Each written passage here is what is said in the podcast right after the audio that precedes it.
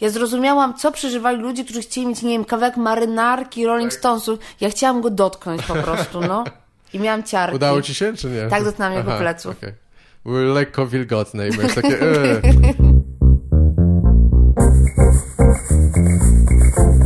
E. Nagrałeś to?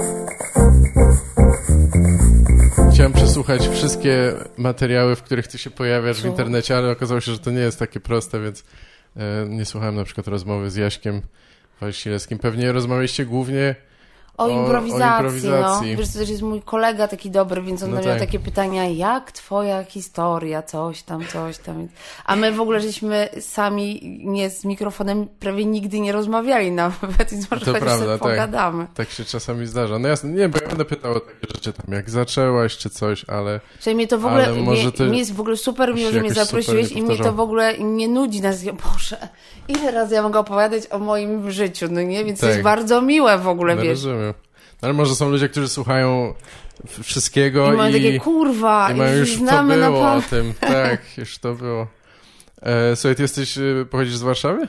A my już to w ogóle nagrywamy? To już jest normalne? A, nagrywamy. Okay. E, tak, ja jestem z Warszawy. E, rodzice też? Czy też, e, czy przyjezdni może wcześniej byli? mój stary jest z Warszawy, z Pragi, więc on jest a. taki, że jeszcze tam używa trochę gwary i tak dalej. Tak? A moja mama jest z Kalisza, więc ona przyjechała. Aha. Kurczę, fajnie. Z, z której części Pragi? No, wiesz co, on Czy jest może z... nie, nie chcesz zdradzać? Nie, no on jest z... z yy... O Jezu, teraz zabij mnie... Ka... Sta... Nie krochmalna, tylko Aha. ten... Kameralna? Aha, to nie znam chyba. No to jest niedaleko Ząbkowskiej w ogóle, no. bo jakby on stamtąd jest, ale tam nie mam rodziny, także na przykład jeździliśmy z tatą w niedzielę na obiad do praskiej rodziny, co grała na banjo na przykład, tak nie było, więc... A jak poznali się w Warszawie jakoś, czy na studiach, czy coś takiego? A to jest dobre pytanie, bo on, jakby ojciec, ojciec... Y o, w ogóle nikt mnie o to nie pytał, więc opowiem ci o moich rodzicach. Y, mój stary był wojskowym i y, po rozwodzie i dał ogłoszenie do gazety i moja mama przeczytała to ogłoszenie i odpowiedziała na nie, więc y, y, poznaje się przez papierowego Tindera.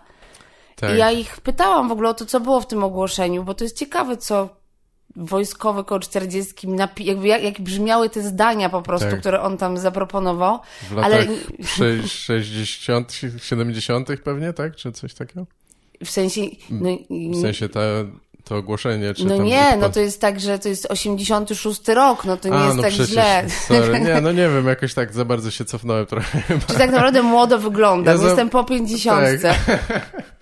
I, ja zapominam, y, że mamy 2020, wiesz, ja cały ja mam czas tak trochę... samo, no. ja mam dokładnie tak samo, więc wydaje mi się, że 10 lat temu, nie wiem, były lata 70 czy coś, może nie aż tak, ale jakby mi się pieprzy to strasznie. Tak. No i, y, no i moja mama odpowiedziała i przyjechała do Warszawy i się hajtnęli, no. Mhm. I potem powstała. Aha, przyjechała, żeby się z nim w ogóle spotkać. Zapoznać, tak. tak. I oni tacy byli konkretni, że tam, nie, nie wiem, czy to jest legenda, ale była taka, że po tygodniu było oświadczyny, no. Tak, no oni tak szybka piłka to była, no. Po tygodniu, wow. Chyba mówiłeś coś e, ze sceny o tym, czy nie? Masz jakiś taki yy, Tak, ma, jakby mówię o tym, dlatego, jak, bo... Jak zaczęłaś mówić, to właśnie mi interesowało mnie to... Yy, w pewnym momencie zaczęło mnie to interesować, co było tam napisane. Ale okazało się, że po prostu chyba najatrakcyjniejszą, e, najatrakcyjniejszą informacją było to, że ojciec był z Warszawy, więc chyba nie było to ważne, co jeszcze tam jest. że, że może ma lokum w Warszawie i to już jest coś. No fajnie, no, y, no, teraz to też może być atrakcyjne. Ja nie wiem, jak patrzę na ceny mieszkań, y, kawalerek 20-metrowych, to wydaje mi się, że może te... Wydaje mi się, że on nie miał nawet chyba lokum. Nie miał. Ale miał jakiś Nie miał jako czar... wojskowy jakiegoś przydziału czy coś, nie? No, wydaje mi się, jakby, wydaje mi się, jestem przekonana, że akurat jego y, taka historia jest dosyć skomplikowana i istnieje szansa, że nie miał wtedy swojego lokum. Tak. Ale no miłość no, jest ważniejsza niż y, metry kwadratowe. No, miejmy nadzieję. nie, jak przetrwało do tej pory, no to Nie tak. przetrwało, tak. ale A? A ale to przepraszam. Chwilę trwało, no tak przynajmniej, że ja powstałam. Bo opowiada, no tak, bo opowiadasz to takim tonem takiej trochę romantycznej historii, ale rzeczywistość, e, wiadomo, jest troszeczkę bardziej skomplikowana. Mhm. A, y, czyli twój tata... Y, Uczył się w jakiejś szkole wojskowej czy coś takiego? E, chciałem zapytać o wykształcenie rodziców, czy, czy co oni robili, bo mnie zawsze ciekawi, wiesz, to, ten kontrast e, następnego pokolenia. Podobają mi się w ogóle te pytania, od których zaczęliśmy, bo czuję się tak, jakbym była jakby przepytywana na jakieś swaty, no nie? Tak, tak. co zrobią twoi rodzice. Czy z Super. dobrego pochodzenia um, Ojciec się uczył na wacie, tak, i on tak. był zawodowym wojskowym. Mhm. Um, ja nie mam pojęcia, co on robił w wojsku. Coś robił. Ogólnie wydaje mi się, że dużo um, jakby no, że raczej kręcił melanż w wojsku bardziej niż bronił ojczyzny, ale coś tam robił. No, no tak, w czasach powiedzmy po, e, pokoju, tak? Mhm. A czy on przeszedł może na jakąś wcześniejszą emeryturę? Bo teraz jak, jak wspomniałeś, że przyjechałeś tutaj z y, taksówkarzem, byłym policjantem, to zacząłem się zastanawiać nad tym, co ludzie w takich stałych, bardzo określonych powiedzmy karierach robią później, jak mają mhm. nagle ten czas wolny, nie? I on... Nie miał tu problemu, żeby się odnaleźć. Może twojego tatę powinienem zaprosić, tak, przepraszam. Oj, oj, powiem ci, no, mogło to być bardzo interesujące spotkanie. Tak. Został ochroniarzem. Aha. Aha, i, a mama? Co? A mama jest farmaceutką. Farmaceutką, okej. Okay. No i co, i jak y, usłyszeli, czy dowiedzieli się, że będziesz się zajmować, nie wiem, jak to nazwać ogólnie, y, sztuką sceniczną, to mieli jakieś takie zdanie określone na ten temat, nakłaniali, żeby szukać czegoś innego, czy, czy super, wspaniale, że będziesz arty, artystką, że, no nie wiem, w sumie mhm. powinienem zapytać, co robiłaś e, wcześniej, w sensie jaką miałaś wcześniej ścieżkę, ale... Yy, więc w ogóle to nie było w żaden sposób dla nikogo szokujące. Na przykład nie porzuciłam, wiesz, ja nie miałam jakiejś kariery, która świat, nie wiem, nie, zapo jakby nie zapowiadało się to, że ja będę, nie wiem, prawniczką albo lekarką. Jeszcze przez jakiś czas moja mama miała nadzieję, że będę farmaceutką na Aha. przykład. To się wydawało jeszcze atrakcyjne w jakimś tam A ty momencie. Co studiowałaś? A ja poszłam na socjologię, okay. więc, czyli taki człowiek od niczego trochę, no nie? Więc to jest taki moment, że masz 18 albo tam 19 lat i wiesz, że lubisz polski, historię, WOS i angielski, no nie? I nie masz pojęcia o niczym. I to jeszcze nie było, jakby nie byliśmy jeszcze aż takimi obywatelami świata, bo to był 2006 rok, więc na przykład u mnie w klasie to jedna dziewczyna mówiła, hej, będę studiować w Amsterdamie, a myśmy takie, wow, stara, będziesz no tak. studiować w Amsterdamie, o kurwa, no nie, to było coś. Uh-huh. Więc... Y- w ogóle jakby coś takiego jak gapier na przykład, albo pojedź sobie, zobacz, co byś, wiesz, potem dopiero jakoś wjechał Erasmus i jakieś takie przygody ludzi. Ja akurat nie byłam na Erasmusie nigdy. Mm. No ja też nie. Natomiast, nie. Y, więc y, nikt nie wiedział, co ze mną będzie do końca, no nie? Byłam po prostu taka, lubiłam robić rzeczy ogólnie, różne, tak. więc... No tak, ale skończyłaś te studia, tak? I, o dziwo, tak. Bo ja też byłem na, na podobnych i nie skończyłem, natomiast jak już po tych pięciu latach, to Miałeś jakiś taki pomysł, co będziesz, że zostaniesz pracownikiem naukowym, czy będziesz robić badania dla obopu albo coś takiego, czy już wtedy szukałaś czegoś innego? To jest tak, jak ja byłam w szkole jeszcze, mm, to oczywiście zawsze lubiłam wszystkie artystyczne rzeczy. Wszystko, co było na scenie jakiekolwiek, czyli Akademia z okazji 11 listopada, albo nie wiem, Dzień Nauczyciela, no byłam osobą, która potrzebowała tego i lubiłam to robić tak. i po prostu być jakąś taką nastoletnią Grażyną Torbicką. Um, i, y, ale też lubiłam filmy i ja w ogóle myślałam, że pójdę do szkoły filmowej, ale z różnych właśnie też rodzinnych i w ogóle życiowych powodów nigdy nie złożyłam papierów. No i potem już było takie życie dorosłych, czyli skończ porządnie studia, rób sobie rzeczy. I jeszcze, mm, jeżeli chodzi o moją bardzo fascynującą historię życia, jak byłam, jak kończyłam liceum, to przyszła pani psycholog z takim wielkim testem i powiedziała, dzieci czy tam młodzieży, mam da, dla was test predyspozycji do zawodu. No tak. i pamiętam, że tam mhm. uzupełniałam te wszystkie. Poza tym jestem bardzo ciekawa, jakie tam były zawody, bo to jeszcze był świat przed w ogóle social mediami, internetem, agencjami reklamowymi, jakoś tak. Więc ja podejrzewam, że tam był policjant, nauczyciel, nie wiem, lekarz, drukarz pewnie. Tak, no I... jeszcze może istniał jakiś przemysł wówczas. tak. Na przykład fabrykantka. Tak. Ym, I mi wyszło, że powinnam być pracownikiem socjalnym. Bo ja Aha. miałam takie zajawki, dosyć mocno byłam zaangażowana społecznie, byłam taką crazy wolontariuszką od wszystkiego. I ja trochę tak, tak sobie. Co... Mm, tak, tak. Jakoś miałam mocno y, z różnych też powodów y, jakby taką potrzebę pomagania ludziom po prostu, więc chodziłam sobie, wiesz, to był taki dziwny czas, bo masz 15 lat, trochę idziesz na browar za krzakami, ale mówisz, oj, sorry guys, jakby jeden browar, bo i tak nas nie było stać na więcej, ale bo ja jeszcze idę dać korepetycje dzieciom w ośrodku pomocy społecznej, więc Super. byłam, miałam takie dwa światy i ja w ogóle byłam przekonana, że ja będę pracowała w OPS-ie. Tak. To była, bo jak, miał, jak miała 20 lat, ktoś mnie zapytał, co będziesz robić, porzuciłam w ogóle wizję, że będę robiła jakieś artystyczne rzeczy, tylko myślałam, że będę pracować w OPS-ie. Mhm. Na, na Pradze właśnie gdzieś, czy... no Praga nie, zawsze tam... była kusząca, ja byłam z Ochoty, więc yy, wyobrażam sobie, że będę do końca życia mieszkać na Ochocie i tam będę w jakimś miłym miejscu pomagać yy, ludziom. Tak. Ja kiedyś mieszkałem na, nie wiem, tak mi się skojarzyło, kiedyś mieszkałem na, na Brzeskiej i spotkałem tą koleżankę właśnie z liceum, która y, dzieciakami się zajmowała i nie wiem, czy do tej pory to robi, ale nie wiem, czy znasz tą okolicę, no tam, mhm. tam jest, tak wiesz, no, ciężko ogólnie. I ja tam mieszkałem przez jakiś czas i się witałem ze wszystkimi, żeby być w porządku i była taka dziewczynka, z którą opiekowała się ta moja koleżanka i ona, y, ta koleżanka przedstawiała mnie jakby tym dzieciom i ta dziewczynka powiedziała, my się już znamy. Ona chciała od razu zaznaczyć swój jakiś tutaj autorytet i spodobało mi się w ogóle te, te dzieciaki. No jestem ciekaw, co one na przykład teraz robią kilka lat później, bo e, Praga się przebudowuje, ale mhm. czy w praktyce to coś znaczy dla, dobrego dla, dla tam mieszkańców lokalnych, to... Mm. Dobra, ale zostawmy może na, na, razie sprawy społeczne. Jeszcze możemy za chwilę o tym e, chyba pogadać. No to to jak to się stało, że, że zaczęłaś robić impro w końcu? W sensie, co... Ciekaw jestem też, bo stand-uperzy to zawsze mają... E, o, tam widziałem Diego Murphy'ego mm. i on fajne miał homofobiczne żarty. Też chciałem, też chciałem brylować. E, a jak jest, jak jest z impro? Co się widzi, czy ogląda, żeby cię to... Czy to byli ludzie już w Polsce?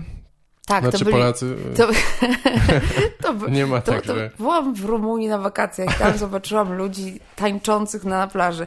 Nie, nie, jest tak, że kończę studia i poszłam do, e, do takiej pierwszej pracy na etat, powiedzmy takiej, że się siedzi 8 godzin to nie była jakaś straszna praca, bo ja się zajmowałam dystrybucją filmową, więc trochę tam po prostu nie, nie, to nie była dystrybucja mortadeli, tylko jednak filmów i w ogóle fajne rzeczy, ale mm, no bardzo byłam tam nieszczęśliwa. Po tak. prostu taka wizja świata, że jestem ja, komputer, Excel i jakieś tysiące płyt, które wysyłam, bo to wyglądało dobrze na papierze, jakoś tak bardzo mm, prestiżowo, ale ogólnie moja praca polega na tym, że siedziałam taka obstawiona płytami, y, Blu-rayami i wysyłałam je do różnych małych kin. Tak. Mm. Jakie filmy? Takie mainstreamowe raczej? Ja pracowałam czy... w Nowych Horyzontach Aha, w ogóle, więc... To super. Absolutnie... Znaczy tak brzmi przynajmniej.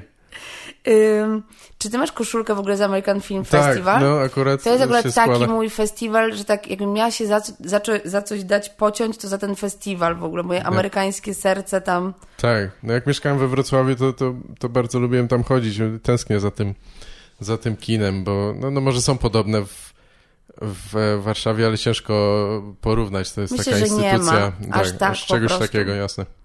I, a to jest piękny festiwal. To jest akurat na amerykańskim festiwalu ja się czułam dobrze, swobodnie i w ogóle naprawdę um, umierałam na każdym filmie, obojętnie jaki on był, wszystko mi się podobało. Mhm. A same Nowe Horyzonty oczywiście zawsze były bardzo popularne, tam gdzieś w świecie młodych humanistów, ale jakieś moje podwórkowe serce nie mogło się do końca odnaleźć. Miałam tak. taki dysonans między tym, że jednak trochę piwo za krzakami, a trochę gadanie o dziesięciogodzinnym filmie z, nie wiem, kłosami powiewającymi na wietrze. Aha. I tak, to nie był do końca mój klimat, ale przyjęli mnie do tego Oglądałeś ten film? Bo, bo wiem, o którym mówisz. Jakby w sensie jest, chyba jest tylko jeden taki.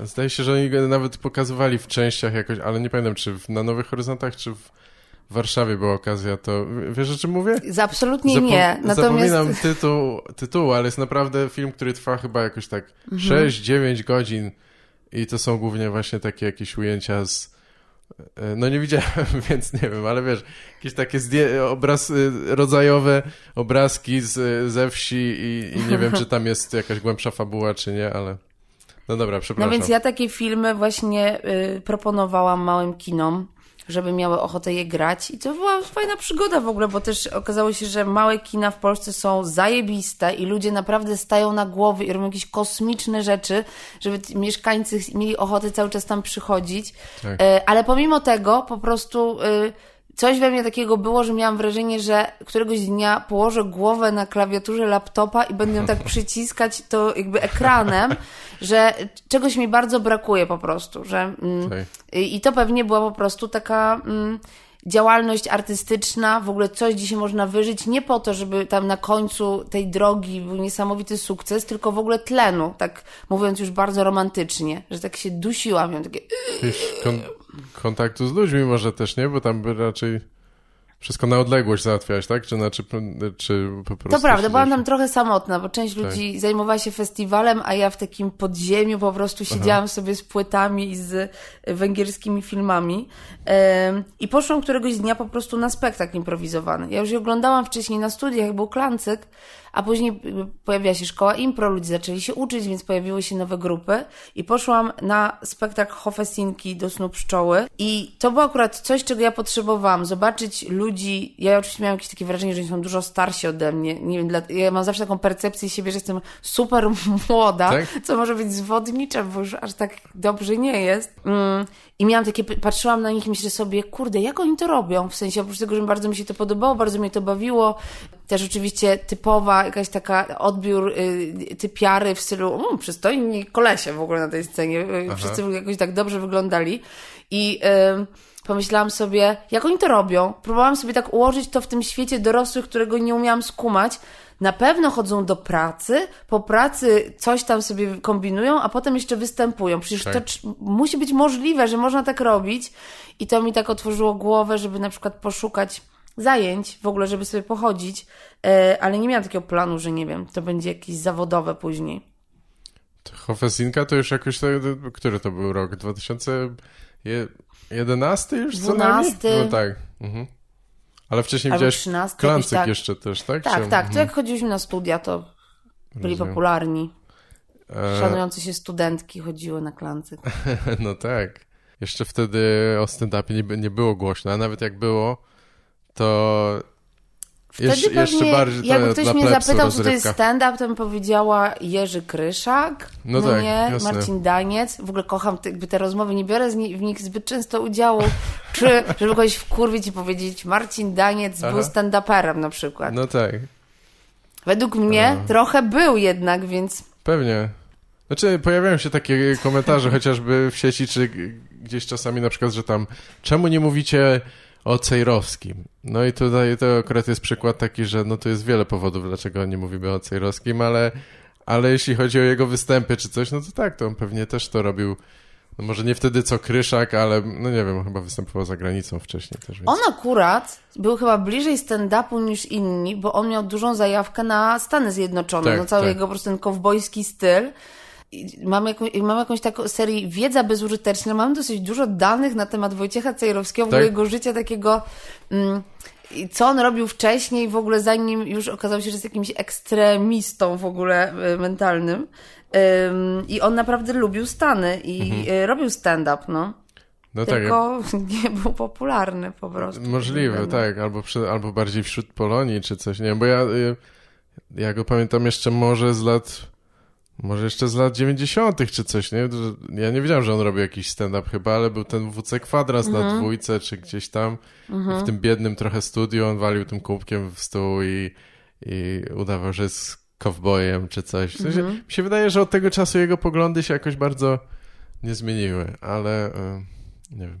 E, spekulowałem, czy, czy dałoby się go zaprosić tutaj, żeby z nim rozmawiać, bo niektórzy mnie namawiali i teraz już mam taki moment, że już chyba, no, no, jeśli zakładając, że w ogóle by się zgodził, w co wątpię, chyba już bym teraz nie chciał z nim rozmawiać. W sensie jakby, jest, jakby to był jakby program bardzo... decyzja należy do ciebie i miałbym usiąść po której stronie, usiadłem po stronie nie. Tak, no właśnie, no. Bardzo ciężko chyba byłoby ominąć pewne tematy i udawać, że, że nie istnieją. No, no dobra, czyli, czyli wybrałeś się na jakieś warsztaty, tak? mhm. tak? Ludzi z Hofesinki, czy Klancyka, czy kto to był? Y, Pewnie znamy wszystkich to, tych ludzi tak, teraz, Tak, tak, to oczywiście był miks, bo właśnie tak. Y, ludzie z Klancyka założyli szkołę impro, Y, tam też od razu zostali dołączeni ludzie z Hofesinki, czyli na przykład, nie wiem, Paweł Neugebauer Tak. y, i Piotrek Sikora. No, do Hofe, właśnie na tym spektaklu Hofesinki pierwszy raz widziałam też Antka na przykład w ogóle, nie wiedząc jeszcze, że robi stand-up. Ym, I zaczęłam chodzić na zajęcia, a jest to bardzo wciągające. Też dopiero budowała się jakaś społeczność dookoła szkoły impro i właśnie takich około 30-latków w ogóle, którzy mają ochotę na robienie dziwnego rodzaju komedii. No i tam spotkałam po prostu nowych ludzi w moim życiu, Tak. Mówiąc tak. ale to był rzeczywiście dla ciebie od razu nowy krąg społeczny, że zaczęłaś się kolegować z tymi ludźmi, czy czy- no, stopniowo może tak, ale To było tak, że mm, powiedziałeś swoim znajomym, nie, już teraz... e, wiecie co, lamusy, mam teraz super tego, cool teraz- znajomych, lubimy śpiewać piosenki Tak, i udajemy, że nosimy pantomimiczne warzywa. To jest żart, który pożyczam od, od Zalewskiego, ale zawsze mnie jakoś to bawiło. On miał takie, że jak chce się ponabijać z impro, to Mhm. on mówi coś o wnoszeniu dyni. I mi to... Impro jest y, bardzo wdzięczne do nabijania się i to No jest tak, wspaniałe, tak. jak się wszyscy nabijają w amerykańskich serialach z impro. Aha, tak? No bo mm, ta sztuka jest o wiele starsza y, tam, no o wiele starsza, od lat 50., więc y, prawie w każdym serialu, który ma więcej niż jeden sezon, jak któryś z bohaterów idzie w jakimś kryzysie na warsztaty z improwizacji, zazwyczaj jest to jakoś ekstremalnie żenujące w ogóle, No więc tak. Ale bo to też chyba był jakiś taki okres stosunkowo mi się wydaje niedawny, że robienie impro jako takiej dodatkowej rozrywki czy hobby stało się bardzo popularne. Przypuszczam, że szczególnie w Nowym Mhm. Jorku czy gdzieś tam, nie? Może stąd to się bierze, bo, bo w latach 60. czy nawet 90. to chyba nie słyszałem o tym. No nie może się nie interesowałem. w Polsce w ogóle tego nie było. No tak, Polska to jest kilkanaście lat. W Stanach to myślę, że taka. Za... Stany mają też inną stawkę, no nie? Bo my idąc na takie zajęcia, nie masz właśnie na końcu tej drogi obietnicy niesamowitej kariery ogólnoeuropejskiej, no nie? A tam po prostu w Stanach możesz mieć mega sukces, być bardzo popularnym aktorem komediowym, No e, tak. więc dużo ludzi po prostu szło na zajęcia z impro z nadzieją, że na, skończą jako znani aktorzy komediowi. A tutaj nie ma stawki. Jasne. No tak, jest no w sumie już w czasach SNL-a czy coś Mhm. tak. W Polsce to jest właśnie, jak ile trwa taki cykl minimum, że możesz, e, ostateczny cel to chyba jest, idziesz na warsztaty, robisz impro, występujesz i potem sam możesz robić warsztaty, tak? To jest, czy to jest ten cel? W sensie, bo wiesz, jakiś Mhm. monetarny, czy to są ludzie, którzy się pojawiają na warsztatach i mówią na przykład ile można na tym zarobić, kiedy można, Mhm. bo, bo ze stand-upem już trochę tak jest czasami, nie? E, Bardzo różne są głosy niektórych uczestników zajęć. Ale są naprawdę zda- tacy tak, ludzie, bo ja tak. trochę się nabijam, Są ale... osoby, które, to nam się zdarzyło w ogóle, że mm, przyszli ludzie, przy, zazwyczaj są mężczyźni w ogóle, Tak? w różnym wieku, którzy usłyszeli, że jest coś takiego i, my, i mają taką nadzieję, że na tym się da zrobić biznes. Mhm. Więc w ogóle łączenie impro, i, i, jeżeli te dwa słowa są obok siebie, impro i biznes, takie wow, jakby mierzysz wysoko. Pro biznes. Czy są A- to, jakby są też oczywiście, Ale że jakieś nam- takie szkolenia, czy coś ludzie... tak, w- na warsztatach, tak, bo- warsztaty dla firm. Ja uwielbiam je prowadzić. Po prostu to jest rzecz, przez to, że też pracowałam w różnych instytucjach, organizacjach, to uważam, że naprawdę warsztaty z impro, nawet kilkugodzinne, mogą spowodować, że chociaż ludzie będą na siebie życzliwiej patrzeć. To nie zmienia świata jakoś niesamowicie, bo jak masz szefa mobera, jakiegoś chuja, no to No tak. impro i klaskanie i noszenie warzyw tego nie zmieni, ale to, że ze sobą rozmawiasz, że jesteś raz życzliwy dla swojego kolegi, bo to chodzi w ogóle o taką słuchanie się, życzliwość, jakąś taką czułość i współpracę. Mm, I nie w takim jakimś bardzo przerysowanym, coachingowym y, w ogóle sposobie. Bądźcie, jakby współpracujcie, tylko robisz różne głupoty razem na warsztatach, a potem pamiętasz, jak Gaweł właśnie tam udawał, że jest psem, czy coś tam, no nie? No tak. Ale tak czy siak, to na pewno na przestrzeni lat się zmieniło. Kiedy ja zaczynałam chodzić na warsztaty, tam po prostu u wszystkich była absolutna zajawka i taka radość dorosłych ludzi, że mogą sobie coś porobić, no nie? Że właśnie masz jakąś taką lukę między niespełnionymi aktorami, ludźmi, którzy właśnie chcieli występować na scenie, którzy robili różne alternatywne rzeczy i tak dalej. Albo zawsze czuli, że lubią śmieszne rzeczy, no nie? I y, nagle po prostu tak, świat przyniósł taką ofertę, że bez jakiegoś niesamowitego przygotowania możesz pójść na zajęcia, sprawdzić to, czy to działa, czy nie. Natomiast próg wejścia jest bardzo niski, bo na scenę takich scen podziemnych jest mnóstwo. W każdym barze, gdziekolwiek, nie wiem, jak masz dwa metry kwadratowe podłogi, tam już może być scena. Więc jeżeli ty dzisiaj stwierdzasz, że ze swoim szwagrem zrobicie duet improwizowany, który się będzie nazywał, nie wiem, szwagry, bardzo ciekawa propozycja, to możecie... Niestety istnieje już bardzo taki popularny kanał, ale... Jest taki kanał, no nie, więc no, no, to wtedy mówicie... Na pewno, na pewno chodzili do was na warsztat. No, to my no. do nich chodziliśmy. Tak naprawdę chodzimy, w, y, spotykamy się na tajnych kompletach. A, no tak. I możesz, wiesz, zaprosić ludzi na spektakl, no. Mhm. A właśnie, jest, jak jest, e, jakie są najgorsze warunki, w jakich występowałeś? Bo wspominałeś o tej scenie i mi się wydaje, że e, tak jak my często stand-up robiliśmy na jakiś, czy robimy nadal na jakiejś palecie, albo byle mhm. jakiej takiej prowizorycznych warunkach, to, to chyba trochę potrzebujesz więcej miejsca do impro, bo jednak tam są co najmniej te trzy osoby, tak? Tak, to... no to jakby więcej niż dwa metry trochę by się przydało, trochę to prawda. Mm, Wydaje mi się, że najgorsze miejsca są takie miejsca, kiedy naprawdę te, ten spektakl improwizowany ludziom, którzy mają to oglądać, nie jest do niczego potrzebny. Mhm. Czyli to zazwyczaj na jakichś firmowych imprezach, kiedy no ktoś tak. stwierdził, że im, jakby spektakl improwizowany to byłby dobry sposób na część imprezy i my jeszcze nie mając doświadczenia, bo oczywiście super jest, jak ktoś nas zaprasza i w ogóle daje nam za to pieniądze i to są porządne pieniądze i w ogóle ekstra. Improwizatorzy są dosyć pokorni, my naprawdę nie wybrzydzamy jakoś specjalnie. Mhm. Natomiast ym, kiedyś nie mając takiego doświadczenia, ja jeszcze nie zadawałam ludziom, którzy się zgłaszają takiego pytania, czy spektakl improwizowany na pewno jest potrzebny na tej imprezie. Teraz już to robię, tak. żeby po prostu nie męczyć ludzi, bo jeżeli przyjeżdżamy na wydarzenie, które jest w hotelu, jest imprezą integracyjną i ludzie już tańczą i nagle ktoś wyłącza muzykę i mówi, proszę Państwa, teraz będzie przerwa w tańcu, bo będzie występ aktorów. Tak. To jest w ogóle jakieś absolutne nieporozumienie, bo po co tym ludziom występ aktorów? Oni mhm. mają melanż, oni se tańczą, oni już tak. mają po prostu cały tam ogień ym, flirtu jest na tym parkiecie. Po co im jacyś nieznani ludzie, którzy robią żarty, to absolutnie nie ma sensu. I też na takich dużych przestrzeniach, na przykład centrum handlowe, to też nie jest miejsce, do którego tak. bym wróciła z y, pasją. No, no tak, to, to ze stand-upem jest podobnie akurat chyba jak już jest rozkręcona impreza i już druga rundka y, wchodzi kotleta, nie mówiąc o alkoholu, to, to ciężko w centrum handlowym też. Też występowaliście w centrum handlowym? Mhm. Ekstra. Na, te, na takiej scenie, która jest zdecydowanie za wysoko, czy na takim mniejszym jakimś... Bo zazwyczaj mi się wydaje, że oni robią takie duże jakieś instalacje, jakkolwiek, jaka by nie była prezentacja czy występ, to zawsze jest, musi zwrócić uwagę, więc oni stawiają wyżej to. Jedno bardzo duże centrum handlowe otwierało się w Warszawie w zeszłym roku i my y, nawiązaliśmy, oni nawiązali z nami współpracę. Otwierało się w zeszłym um, roku?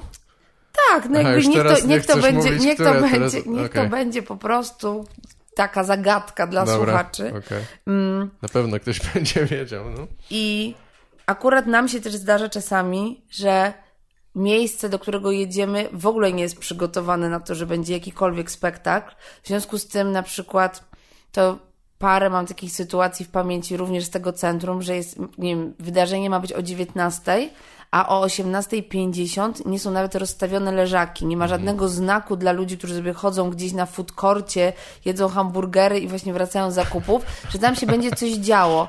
Więc tak. no mam tak przed oczami sytuacje, w których tak sugerujemy, że na przykład warto byłoby rozstawić krzesła. Mhm. Bo gdzieś na końcu tej, tego festiwalu jakiejś żenady, która ogarnia wszystkich dookoła, wiesz, potem ciebie, jak grasz dla, tych, dla tej jednej osoby, mm, jest dosyć tak niezręcznie między hot dogami, to do tego jeszcze ja akurat moje po prostu serce, nie wiem jakie, myśli sobie, ludzie, po co wy wydajecie pieniądze na to? Po co zapraszacie artystów, płacicie im pieniądze, tak. jakieś szaleńcze, ale jednak, to już od... w sensie ja je chętnie przyjmę. Ja będę grała dla tej osoby i zjem hot doga, whatever, ale, żeby nie whatever, to są rzeczy, których nie zrobię, ale ogólnie to jest absolutnie nieopłacalne, no. Mhm. Przygotujcie chociaż scenę, bo naprawdę to może być ekstra. Nie ma problemu, że to jest centrum handlowe, czy to byłby, nie wiem, Jakie są jeszcze dziwne i takie nie, dosyć niekomfortowe miejsca? No wszystkie plenery mają pewien potencjał przypału Tak, ogólnie, no, mhm. ale może być naprawdę zajebiście, tylko też organizatorzy muszą się trochę przygotować, a często się zdarza, że się nie przygotowują. No jasne. Mi się wydaje, że często po prostu, czy to nawet właśnie, już nie mówiąc takich właśnie sponsorowanych częściowo z jakichś publicznych pieniędzy rzeczach, ale nawet w firmach oni mają coś zorganizować tym ludziom. Ktoś miał zadanie zapewnić jakąś rozrywkę, ma pieniądze do wydania i no to, że akurat się interesuje czy impro, czy stand-upem, to chyba są często ma nieduże szanse. Teraz może większe, nie? Ale Mhm. myślę, że czasami się zastanawiam, jak długo oni się wahali, czy trafi na was, czy na żonglera, który Na zrobi przykład. sztuczki tam z żyletką jakąś. i- Ale zdarzają wiem. się też w ogóle super momenty, że na przykład spędzamy z tymi ludźmi z jakiejś firmy więcej czasu, że najpierw mamy warsztaty, a wieczorem z Tak. nimi zostajemy i robimy spektakl. I wtedy to jest taki w ogóle super czas, bo oni już nas znają, oni już w ogóle Mhm. do, dowiedzieli się, na czym to polega, więc oglądają ten spektakl i mają takie, a, już wiemy, co wy tutaj wymyślacie. I czasami Tak. w ogóle bierzemy ich na scenę, oni robią z nami rzeczy, no, bywa naprawdę super też. Czy w impro już miałaś ten, ten moment taki, w którym, znaczy dobrze mówiłeś, że już wcześniej robiłeś różne rzeczy na scenie, właśnie jest dużo jakichś takich, e, może nie dużo, ale masz takie filmy e, na VHS-ie, czy coś takiego, jak tam Agnieszka rob, robi przedstawienie, czy coś takiego, wydaje mi się, że każdy każdy performer musi mieć gdzieś w archiwach takie rodzinne nagranie, czy coś. Ale takie, że jak byłam mała, Tak, czy jak tak. już byłam y, młodą Wiem, taki przeskok zrobiłem e, czasowy, ale Y, Wiesz co, ja nie mam za dużo, mam, mam trochę takich nagrań, ale bardzo mało. Akurat Mhm. moja rodzina nie była taką VHS-ową rodziną, więc No y, tak. nie mam za dużo nagrań. Ale mam jedną historię, Mhm. bo y, akurat jakoś tak było, że w latach 90., no to jednak za te wszystkie VHS-y i kamery to odpowiadali ojcowie, nie? To ojciec był z Jasne, kamerą. bardzo Mój tata nie był zaangażowany w zadanie. moje życie, więc y, nie było go z kamerą, ale byli inni ojcowie. I mieliśmy jakieś bardzo interesujące wyda wydarzenie w przedszkolu z okazji barburki. To w ogóle było ekstra, że się obchodziło takie rzeczy i te No wszystkie tak. dzieci z Warszawy, kurde, w jakichś takich tekturowych czapach se tam tańczyły, no Aha. nie?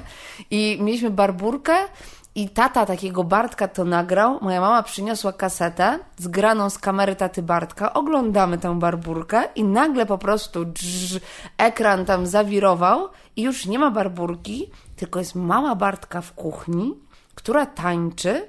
I pamiętam, że ona tak się suwa po szafce kuchennej i tak rozkłada nogi, no nie? I nagle moja mama mówi, o tego już nie oglądamy. No i jestem bardzo ciekawa, co tam... nagrane na wcześniejszej, na wcześniejszej warstwie, tak? Tak. Tak. Więc to i miałam też nagranie A. takie w domu. Co, coś, czego, co raczej już nie istnieje właśnie w nowych y, technologiach, w sensie nośnikach cyfrowych, to takie coś, że dostawałeś kasetę, która... Widziałem to w jakimś filmie dokumentalnym ostatnio, wiesz, o VHS-ach, że ludzie sobie kopiowali te różne filmy, których nie można było dostać i na końcu na przykład były e, poucinane fragmenty tych wszystkich rzeczy, które były wcześniej, nie? I czy to były inne filmy, czy jakieś domowe nagrania, ale mogłeś zobaczyć niemalże historię nagle tej kasety całej, albo w ogóle człowieka, który ci to dał.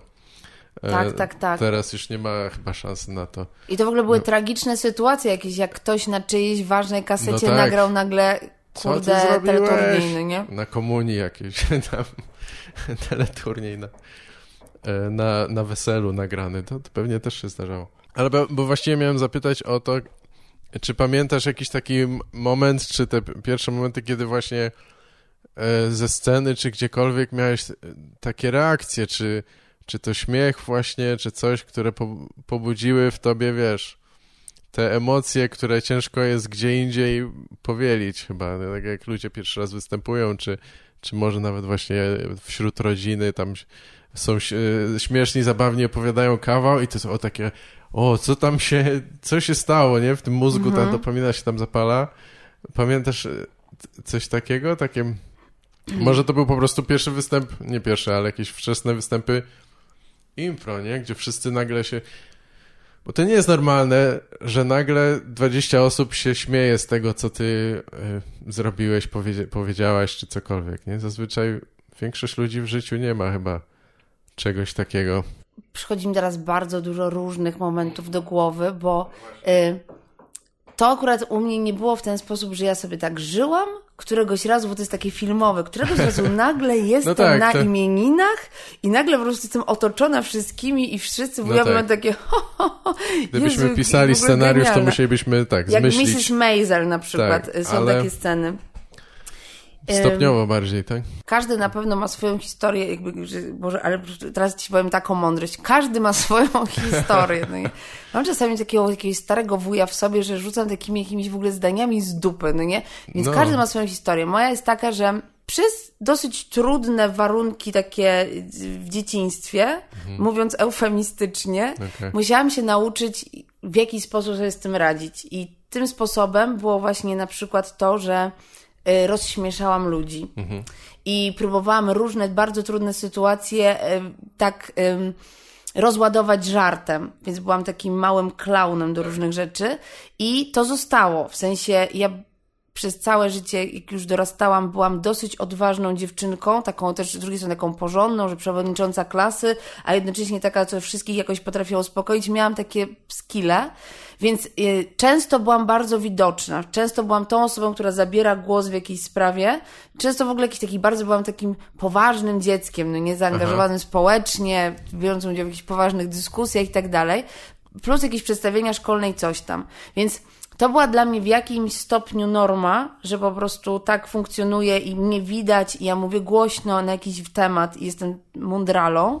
Um, Chodziłaś w, w okularach z brulionem w wieku lat pięciu, tak? Właśnie, kurde, dopiero teraz mam okulary Niedawno, i bardzo okej. się ucieszyłam, jak się okazało, że mam, bo bardzo mi ich brakowało. To Tak? ta rzecz, której mi brakowało w życiu. Jak się okazało, jak mi ostatnio chłop powiedział lekarz, że mam wadę wzroku, i miałam takie, jest! W końcu co mogę legalnie nosić okulary. Jesteś jedyną osobą, która się cieszyła chyba z tego, co? Tak, bo można je, jakby nie mogę tego, Aha, je, ale można- można je tak wsuwać na przykład. Różne takie, no zastanowię się i teraz tak wsuwam okulary. Tak. I, No to jest bardzo filmowe faktycznie. Ja nie wiem, czy w życiu tak robiłem kiedyś. Ale ja nosiłem bardzo wcześnie, tam jeszcze w podstawówce, nie? I było ci przykro? Miałeś takie, mm, Pewnie- tam, jak się nazywa dzieci, czterooki, czy jak No, tam mówią, e, pinglarz? Tak, coś takiego. No to to jeszcze było w Stanach, więc nie... A ty Tak, ale mieszkałeś też- w Ameryce?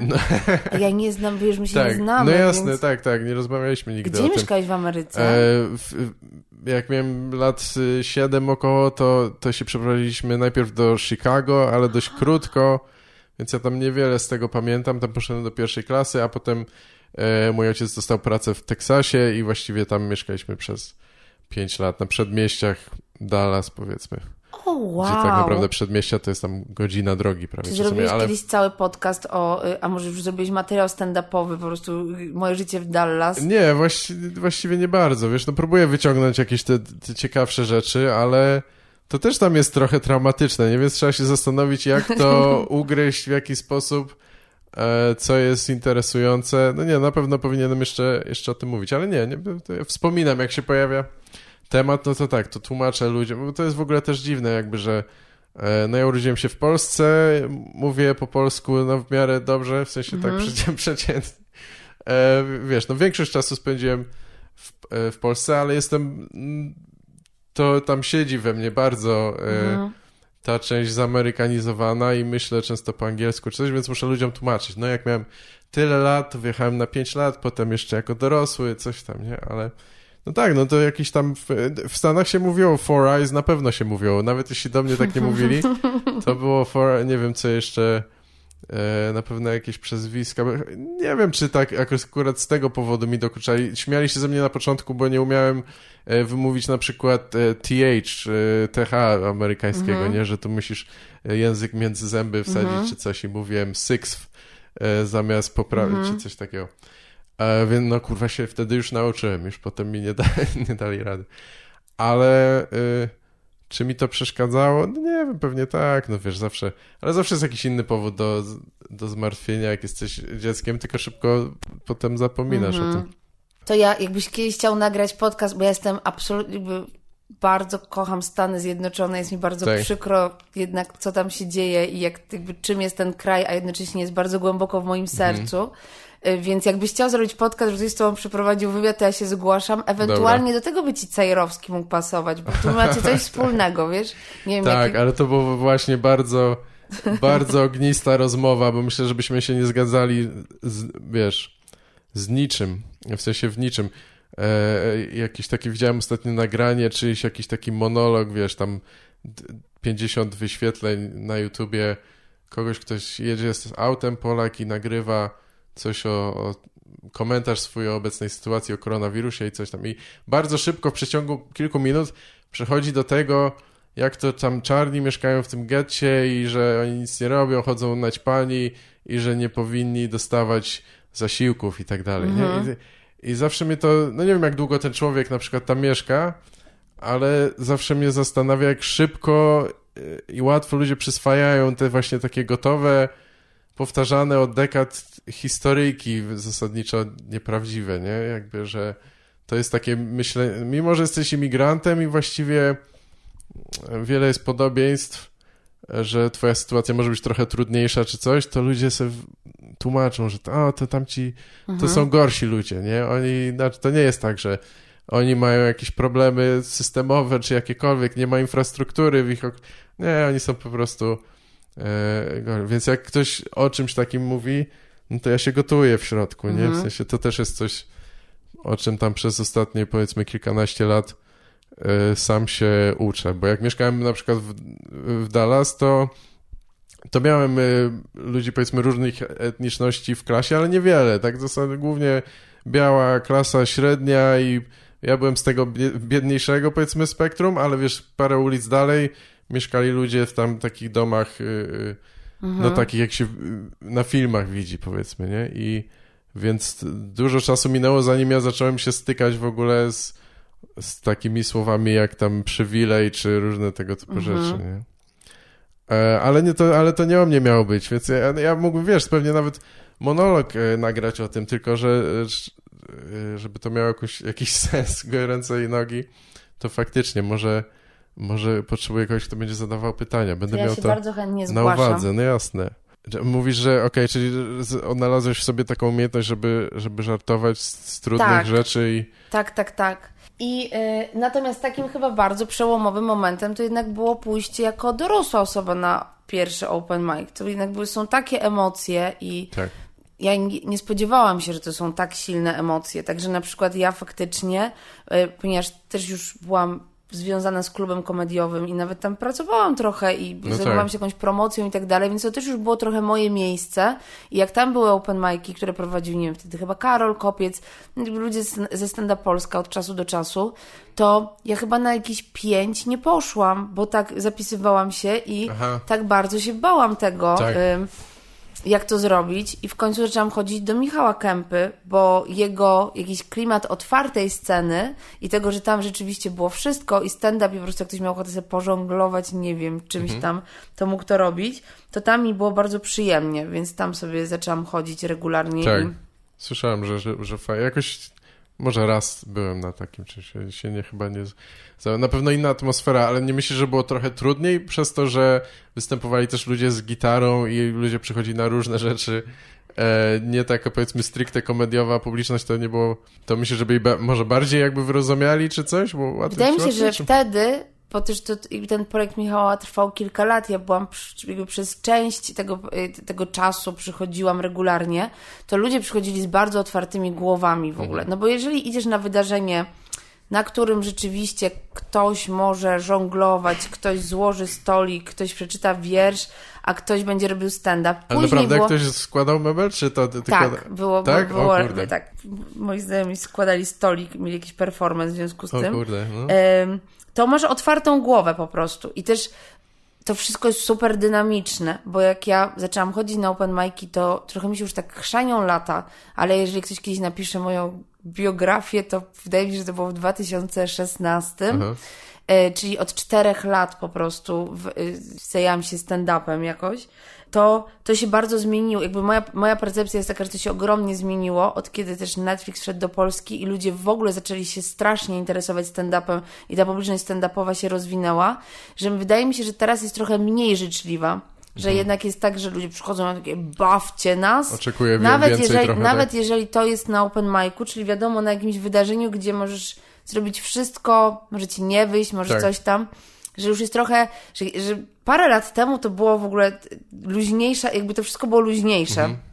Albo ja miałam pod, jakby bardziej luźne podejście, nie wiem. Taka Nie, jest moja diagnoza. Bardzo możliwe, no tak. No często jakoś gadamy o tym, że, że, że kiedyś w ogóle ludzie przychodzili na stand-up, w sensie wystarczyło zrobić imprezę stand-upową i ktoś tam się zjawiał, teraz ludzie już szukają na przykład konkretnych Mhm. nazwisk e, wykonawców, nie? I też, no wiadomo, mają odpowiednie oczekiwania. E, co, no, no nie wiem, no i dobrze i źle. No dobrze, że jakby... To jest ciekawe, bo w sumie obserwujemy to tak z pierwszej ręki trochę, że ludziom się wyrabiają jakieś gusta, nie? Jakby mnie też zupełnie co innego śmieszyło tam 10-20 lat temu, no, no prawie 20 lat temu, a, a, a teraz, prawda? Teraz, teraz już mnie nic nie śmieszy i tylko... nie, nie, to nieprawda jest, ale jestem, jeśli chodzi o oglądanie stand-upu, to jestem taki już mocno zblazowany. Niewiele rzeczy robi na mnie wrażenie, nie? Nadal mnie to cieszy, ale to jest zupełnie co innego. Ja mam w ogóle tak, i to pewnie jest takie zboczenie impro, bo improwizacja absolutnie no, nie dogoniła czasu nowoczesności i ona jest w tym analogowym świecie. To wszystko ma sens i ma klimat.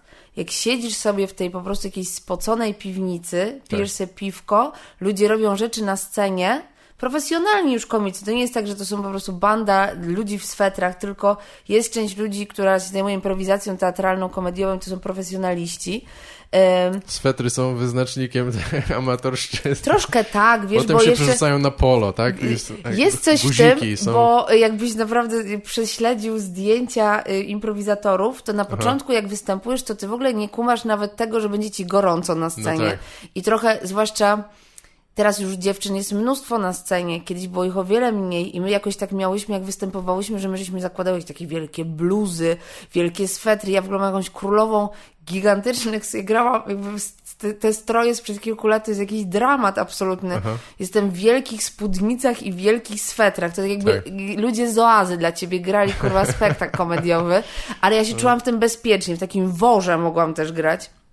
Tak czy siak, ym, Boże, miałam jakiś taki interesujący wątek, o którym, z którego wypadłam. Aha, ale Y, a propos tych u- ubrań, tak? nie, jeszcze przy, a przed to- ubraniami y, było tak, że o Jezu, zapomniałam już. A to było, y, byłam sama zaciekawiona swoją Mówiłaś, że, historią. że to funkcjonuje w jakimś takim analogowym A, świecie, że... właśnie. I ludzie przychodzą i mogą zobaczyć to tylko tu i teraz. I jeżeli to było straszne, to wszyscy musimy o tym zapomnieć i żyć dalej. Jeżeli Mhm. było zajebiste, to też niestety te zajebiste rzeczy już się nigdy w tej Tak. formule, jakby w ten sposób nie powtórzą. Ta historia już nigdy nie będzie opowiedziana, a stand-up jest zupełnie czymś innym. I tych nagrań jest teraz bardzo, bardzo dużo. I właściwie widzę też po publiczności takiej, ja, ja akurat jeszcze jakby tam nie weszłam, w sensie po prostu moje potrzeby artystyczne i jakieś potrzeby, jakieś gromady ludzi, których mogłam spotkać w Warszawie, albo jak ktoś mnie gdzieś zaprosił, to miałam takie wow, jadę wielką trasę do Wrocławia na jeden raz, to spełniało moje potrzeby w ogóle to mm, ja nie miałam potrzeby nagrywania tego ale, Tak. i publikowania tego, ale jest to po prostu, jeżeli w ogóle myślisz o tym, żeby profesjonalnie to robić, no to to już jest jakiś absolutny old school, jak być stand-uperką, którą ktoś rozpozna więcej niż, nie wiem, jedna osoba, nie mając nagrań w internecie, no nie? No Więc tak, tak. Chyba jestem jedyną osobą w Polsce, która jeszcze tak funkcjonuje, że mam takie, no, kto przyjdzie, ten przyjdzie tam, Aha. Może ten, ale już Nie, y, no no, przez tak, kilka no. lat teraz ostatnich to, mm, no to już bez tych nagrań to się nic nie da zrobić specjalnie. Trochę tak, tak. Ja też y, y, ja to rozumiem z jednej strony, ale z drugiej y, dla mnie jest trochę tak, że ja cały czas jakieś mam nowe żarty, zmieniam te żarty, niekoniecznie chcę ciągle to nazywać w Mhm. jakimś bloku, y, to zamykać i wiesz, i dla mi się wydaje, że w ogóle w Stanach też jest bardzo dużo takich komików, którzy funkcjonują na tej zasadzie, że po prostu mają występy, e, nawet serię występów, nie, w klubie komediowym. No i robią tam tą godzinę czy coś, ale to mogą być różne rzeczy, nie? Raz mają ten swój gotowy program, raz jest więcej crowdworku czy coś i nie ma jakiegoś takiego chyba oczekiwania, po prostu masz tych ludzi rozbawić i nie ma jakiegoś chyba konkretnego oczekiwania, że o, to już słyszałem, to, to nie może być, albo coś. W Polsce O, to, się trochę inaczej To weź mi powiedz, bo ja tego nie wiem na przykład do końca, ponieważ ja uwielbiam ja na przykład też słuchać... bardzo mało nagrań, nie? I, I widzę, jak to się odbija na, y, na faktycznym tam, wiesz, no, występowaniu. bo ja uwielbiam słuchać tych samych żartów. Po prostu nie mam Aha. takiej potrzeby, że obejrzałam coś w internecie i ja wolę oglądać rzeczy na żywo. Wolę być w tym miejscu, w piw... jakby ja teraz mówię w piwnicy, kurde, ludzie zapełniają katowickie spotki, no, No nie? tak, tak, Y, no ale to ja są tak wyjątki. lubię piwnicę i naprawdę rzeczy mnie o wiele bardziej bawią na żywo, w całym tym klimacie, nawet jeżeli to nie jest do końca perfekcyjne i tak Mhm. dalej, nigdy nie jest, niż jak siedzę w domu po prostu i oglądam, nie wiem, tam, ym, nie jestem tak skupiona, nie mam takiej, jakby rzeczywiście sama traktuję ten materiał bardzo przedmiotowo, mam takie, a, dobra, obejrzę teraz se koty, co śpiewają, a teraz coś tam, a może do tego wrócę albo nie. A tutaj Tak. jednak poświęcasz uwagę tej osobie, która występuje i jest to jakieś takie bardziej sensowne, ale nie rozumiem do końca takiego mechanizmu, że jak już masz materiał, który nagrasz, to że już go nie można opowiadać.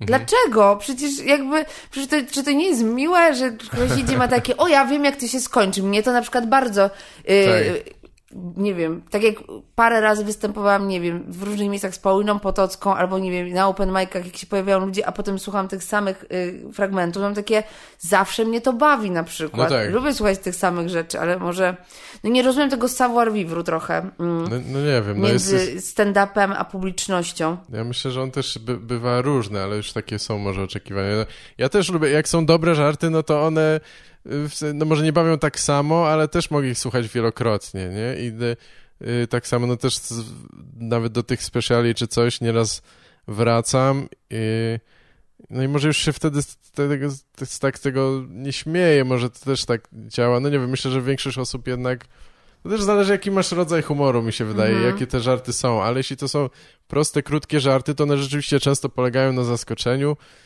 No i tak jakbyś słuchał tego, no nie wiem, cię, nie ma do czego porównać, bo muzyki możesz, muzykę możesz e, e, zgłębiać wiele razy z różnych tam powodów, jeśli ona jest dobra, szczególnie na nagraniu brzmi inaczej, a tutaj, tu się, ja się zgadzam z tobą, że też wolę oglądać na żywo i, i też mogę posłuchać parę razy tego samego, ale Co jest w ogóle bardzo ciekawe, porównując rozumiem to do trochę muzyki, to oczekiwanie. że artysta nagrywa płytę i tak jak po, w momencie, kiedy opublikuje płytę, wyda płytę, to tak jak publiczność mówiła, nie chcemy już na koncertach słuchać tych piosenek, już ich słuchaliśmy w domu, daj nam Tak. nowe piosenki.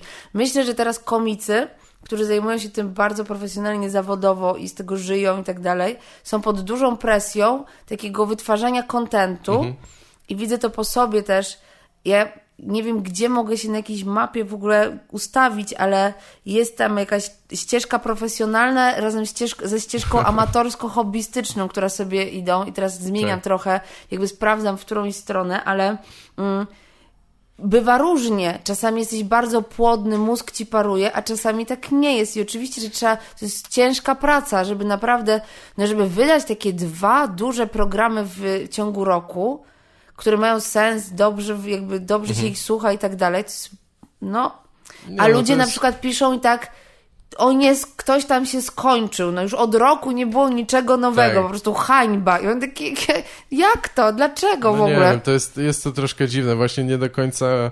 Teoretycznie to jest, do, powinno być dobre, no bo jest nacisk na to, żeby robić nowe rzeczy i że to ma być jakaś, nie wiem, je- jakościowe i ludzie dążą do tego, żeby do, dopracować, żeby można było nagrać, a, ale niekoniecznie, w praktyce to wygląda trochę inaczej, nie? W sensie ten materiał to powinieneś czasami dłużej pogadać, bo to, ja myślę, że to zależy od ilości występów, nie? Ja na przykład nie mam zazwyczaj tyle występów, żeby po roku ten materiał był całkowicie już sprany, skończony, czy przynajmniej w tej chwili, nie?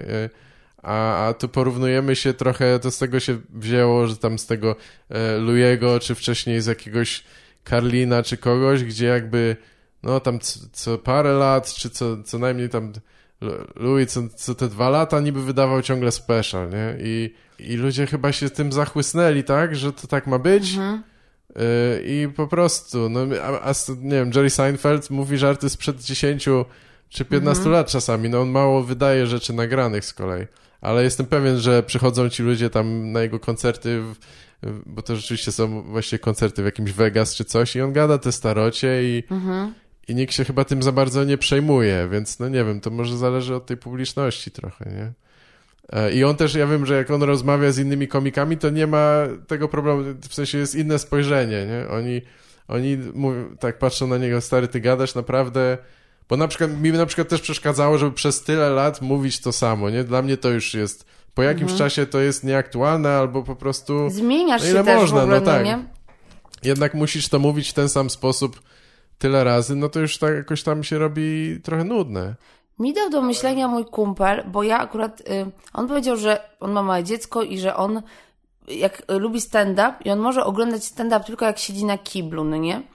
I ja y, akurat mam tak, że ja ani nie czytam w kiblu, ani niczego nie oglądam, po prostu tak mam. Tak. Y, co nie jest oczywiste, bo jednak większość tak. ludzi ma inaczej. I ja byłam no taka wiem, bardzo zdziwiona, że, że tak, mhm. Jezu, w ogóle, czyli ogólnie rzecz, którą robisz, i masz, bo ja jakby mam no, super szacunek, jakby większość ludzi ma szacunek do publiczności. Gdyby nie było publiczności, to byśmy sobie mogli opowiadać żarty właśnie ewentualnie w kiblu albo nie wiem komu. Więc to, że ludzie mają ochotę ich słuchać, no to w ogóle super. Dzięki ludzie, że macie ochotę tutaj przyjść. A jednocześnie oni mają oczekiwania. Ale jeżeli jakby te oczekiwania na przykład są w momencie, kiedy srasz i jeszcze piszesz e, chujowe na przykład, no tak. to mam takie, coś tu się zaburzyło trochę. Czy ten dostęp do artysty i twórcy i w ogóle nie chodzi mi o artysty, twórcy. Nie powinniśmy, artyści, twórcy powinni mieszkać na wielkiej złotej górze tak, i ludzie powinni tam czapki, oddawać tam. krew, żeby. Mm, Natomiast tam... coś się zaburzyło trochę. Jakiś taki szacunek między dwoma stronami, tak. tak mi się wydaje, a ja mówię to z perspektywy człowieka, który nigdy nie występował w miesiącu więcej niż cztery razy, mhm. bo to jest jedna z części mojej jakiejś komediowej działalności. Nie byłam nigdy w trasie. Wydaje mi się, że to jest jakaś piekielnie ciężka robota w ogóle, no. Porównując no oczywiście, tak. pewnie praca w przetwórni ryb jest cięższa, no nie? Chyba ale tak. jest to. Więc i tak super, ale... że możemy mieć takie prace i mieć takie problemy, ale Jasne. jest to na pewno kupa roboty, no. No tak, no internet chyba bardzo to zmienia. To a propos wujków i mądrości, to no internet zmienił świat jednak.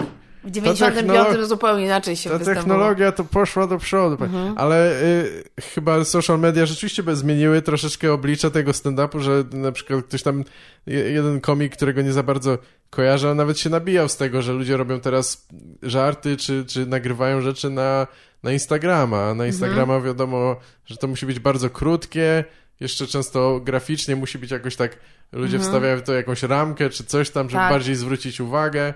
Więc tu nie ma możliwości na przykład robić, wiesz, yy, yy, no nie wiem, ja ciągle podaję, ten, często podaję przykład Stuarta Lee, ale on jest tutaj dobrym znowu przykładem, bo on ma takie yy, te, te speciale, te, te występy całe swoje godzinne, czasami dwugodzinne, że nie da się ich za bardzo podzielić na kawałki. Znaczy mhm. możesz, tam jest jakiś może dziesięciominutowy chunk, ale on jest powiązany z całością, w sensie on mhm. wraca do czegoś, na, na końcu jest, czasami to jest jakaś nitka, która ciągnie się przez cały ten występ, więc y, no tutaj coś takiego nagle się trochę zatraca albo nie jest możliwe. No więc ja myślę, że ludzie w różne sposoby to przyswajają. Mhm. Ja, ja bardzo lubię y, może nie każdy też jest takim typem komika, ale lubię, jak ktoś mhm. ma, widać, że tam jednak trochę to stanowi jakąś całość i, i dlatego lubię te speciale czasami oglądać. No już nie mówiąc o tym, że amerykańskich komików czy coś, no to nie mamy zazwyczaj okazji inaczej zobaczyć.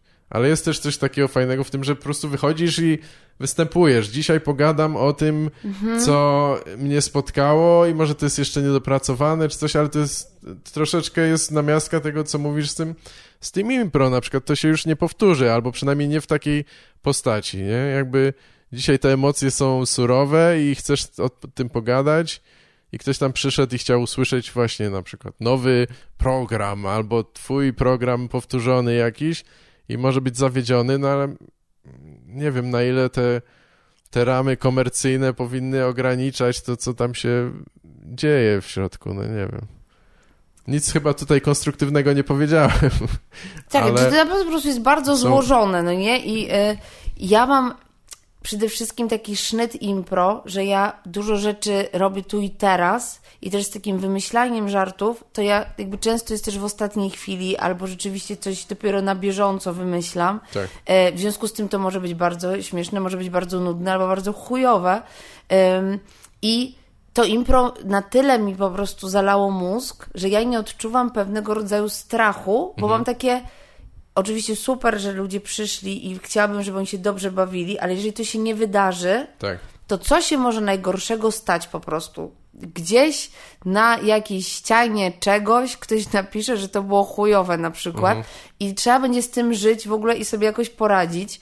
Mm, I ja do tego stopnia nie odczuwam strachu i mam takie, hej, może napiszę coś nowego, teraz szybko coś zaprezentuję, bo po prostu, że Występowałam z, na dziesiątych urodzinach Standa Polska. Akurat koledzy zaprosili mnie na y, charytatywny występ y, w takiej hali y, na Ursynowie ym, dla Wielkiej Orkiestry Świątecznej tak, Pomocy. tak. I to było największe wydarzenie, na którym występowałam.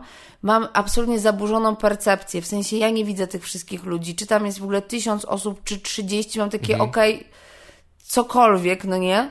Więc ja nie za bardzo się tego bałam, a do tego jeszcze w ogóle pomyślałam, że jak to są dziesiąte urodziny Stenda Polska, to ja powinnam przygotować coś na urodziny. Więc ja w ogóle napisałam sobie tekst, którego nigdy nie ćwiczyłam, tylko po prostu miałam taki, więc ja raczej w ogóle przyszłam jakby, jakby to była benefis piwnicy pod baranami i y, to, co zaprezentowałam było śmieszne, a, a raczej, czy, jeżeli było takie porównanie miłe czy śmieszne, to raczej było bardziej miłe niż śmieszne, no nie? I y, natomiast dla mnie to było oczywiste, że trzeba powiedzieć coś nowego i w ogóle opowiedzieć coś o urodzinowego i byłam jedyną osobą, która w ogóle odniosła się do tych urodzin. Mm, ale ktoś mnie zapytał właśnie, czy ja się dobrze czuję, że ja tego nie przećwiczyłam wcześniej. Mówię, nie, bardzo Aha. dobrze, w sensie, no, to teraz opowiem, to zobaczymy. Tak. I ja nie, ja nie odczuwam takiego strachu, więc... Bo miałem też pytać o to, jak, jak się wiąże to impro ze stand-upem i bo słyszałem różne odpowiedzi, że jednak to nie, to nie pomaga tak bardzo robienie impro wcześniej czy coś, ale to, co mówisz, jest chyba bardzo istotne. Ja się po prostu przez chyba przez długi czas robienia stand-upu tego nauczyłem, żeby mm, szczególnie na tych mniej zobowiązujących imprezach się tym tak nie przejmować, ale ja miałem y, trochę odwrotne chyba doświadczenie, bo też tam występowałem. Wydaje mi się, że to, to była ta impreza, na której My pojawił razem się... występowaliśmy, Jezu, Tak. ja ci opowiadam jakby, no ale my nigdy nie gadamy ze sobą, więc po Nie, prostu... no zresztą tam tak. Tam nie- nie było nawet chyba y, y, czasu, ale to, to ta impreza, na której się pojawił przez chwilę y, Jurek O- Jurek Owsiak, tak? Ja pierwszy raz miałam takie ciarki, w ogóle spotykając znaną Tak? osobę, ja Aha. naprawdę Ja miałam nawet- gęsią skórkę w Ja ogóle, go nawet więc... chyba, ja widziałem go z daleka, gdzieś Ja tam... chciałam, ja miałam pierwszy raz tak, że ja chcę Przegapiłem moment. Ja zrozumiałam, co przeżywali ludzie, którzy chcieli mieć, nie wiem, kawałek marynarki, Rolling Tak? Stonesów. Ja chciałam go dotknąć po prostu, no. I miałam ciarki. Udało ci się, czy nie? Tak, dotknęłam jego pleców. okej. Były lekko wilgotne i byłem takie, e, no może jednak to nie, nie poznawaj swoich bohaterów, tak? Nie, no bo ja miałem y, tam chyba bardzo konkretnie przygotowane żarty, jeden po drugim, wiesz, takie jakby tight five, czy ten, czy co to było, że, że wi- wiedziałem dokładnie, co chcę powiedzieć i w którymś momencie się potknąłem, zapomniałem, co, było następne i to mi z- zjebało cały występ zasadniczo. Byłem, było okej, nie? W sensie to nie, nie była jakaś bomba, ale przez ten jeden moment dla mnie to zepsuło całe to doświadczenie i, i też no, pewnie było trochę po mnie widać, nie? Jakby i, i ten występ poszedł y, gorzej, w moim mniemaniu przynajmniej. Więc myślę, że twoje podejście może jest y, trochę zd- zdrowsze tak na dłuższą metę. No, Natomiast y, ja na przykład też opowiadam historię. Jeżeli ktoś ma godzinkę życia i chciał, chce przyjść na spotkanie ze mną, to ja obiecuję tutaj przed mikrofonem, że to będzie fajna godzina.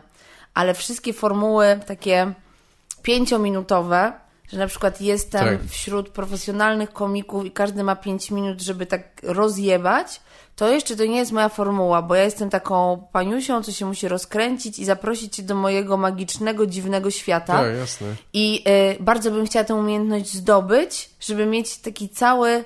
Może, tego, może to będzie niemożliwe, może nie można grać na wszystkich instrumentach, no nie może ja bardziej tam na okarynie niż kurwa, nie wiem, na perkusji, ale y, chcę, chciałabym też mieć to, że jeżeli to jest 5 minut, to są takie minuty, że ludzie pamiętają to, no nie? Jakby to, to jest moje marzenie, wtedy Tak. mogę już umrzeć i skończyć życie. No. Mm, a tego jeszcze do końca nie mam i czasami mam tak po prostu, że raczej jest to jakiś taki bardziej, bardziej niż stand-up spotkanie z ciekawą osobą, no więc...